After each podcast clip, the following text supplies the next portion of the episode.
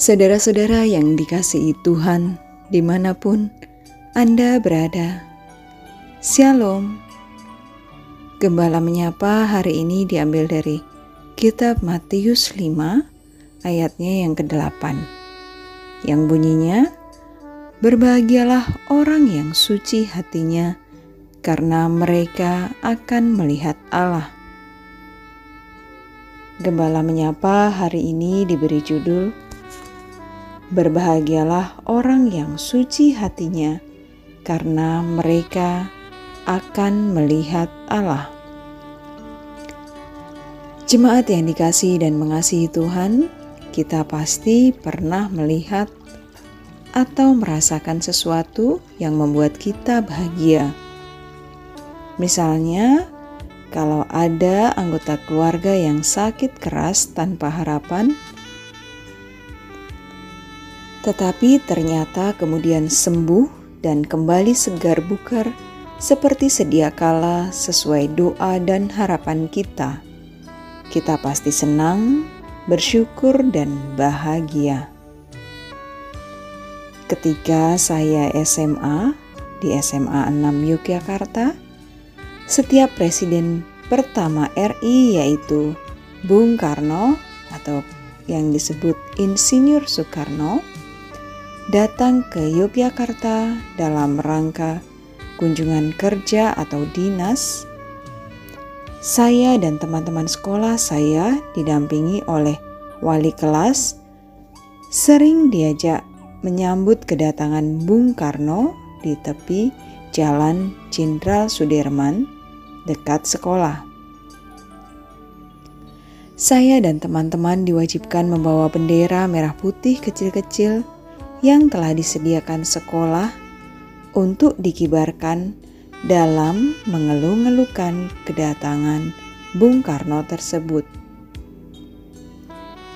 Dan ketika saya dan teman-teman berhasil melihat langsung Bung Karno yang adalah Presiden pertama Republik Indonesia dan proklamator kemerdekaan Republik Indonesia tersebut, ada perasaan senang, bangga, dan bahagia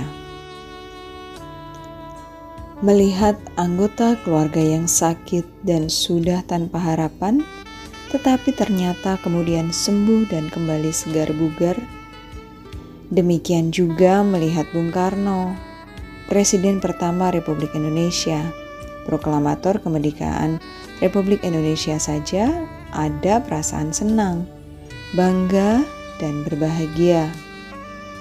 Lebih-lebih kalau kita dapat melihat Tuhan.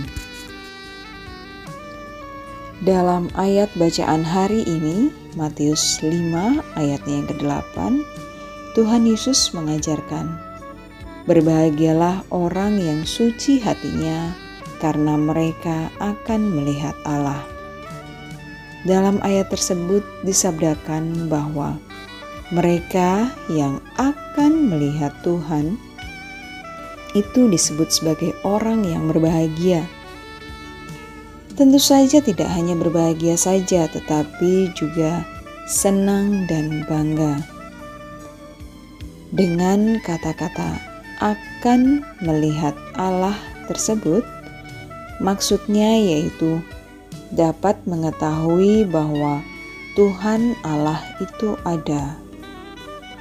Bahwa dengan mata rohani dan mata hatinya, orang mengalami perjumpaan dengan Tuhan Allah. Dapat mengetahui bahwa Tuhan Allah itu Maha Besar, Maha Kuasa, Maha Kasih, Maha Baik, Maha Setia, dan juga mengetahui bahwa Tuhan Allah adalah benteng perlindungan, penolong, dan penyelamat. Dengan kata lain, dapat melihat Tuhan. Juga dapat diartikan bahwa orang memiliki iman dan kepercayaan kepada Tuhan Allah. Kalau Tuhan Yesus mengajarkan bahwa orang akan melihat Allah dalam arti seperti yang telah diuraikan di atas, Tuhan Yesus juga mengajarkan bahwa hal itu ada syarat yang harus dipenuhi, yaitu bahwa orang harus suci hatinya. Dengan kata suci hatinya, itu berarti bahwa orang yang percaya kepada Tuhan Allah itu harus hidup dalam kesucian hati hidup dalam kesucian hati yang berarti hidup suci, hidup kudus, menjauhkan dan menyingkiri dosa, serta hidup dalam ketaatan kepada perintah dan kehendak Tuhan, serta hidup dalam kebenaran firman-Nya. Dengan kata lain, orang percaya harus selalu hidup dalam pertobatan dan kekudusan. Itulah hendaknya karena Tuhan itu kudus yang terdapat dalam Mazmur 99 ayat 3, 5, 9, Yesaya 6 ayat yang ketiga, Wahyu pasal 4 ayat yang 8, maka orang percaya atau umatnya juga harus hidup dalam kekudusan. Yang terdapat dalam Imamat 19 ayat 2, 1 Korintus 7 ayat 34, Efesus 1 ayat 4, Efesus 5 ayat 27, 1 Petrus 1 ayat 15 sampai 16, 1 Petrus 2 ayat 9 dan Wahyu 4 ayat 8. Hari ini, Minggu 5 Maret 2023 adalah Minggu Prapaskah ketiga. Dalam minggu-minggu Prapaskah, jemaat diajak untuk merefleksi diri akan kehidupannya yang penuh dosa dengan hidup dalam pertobatan dan kekudusan.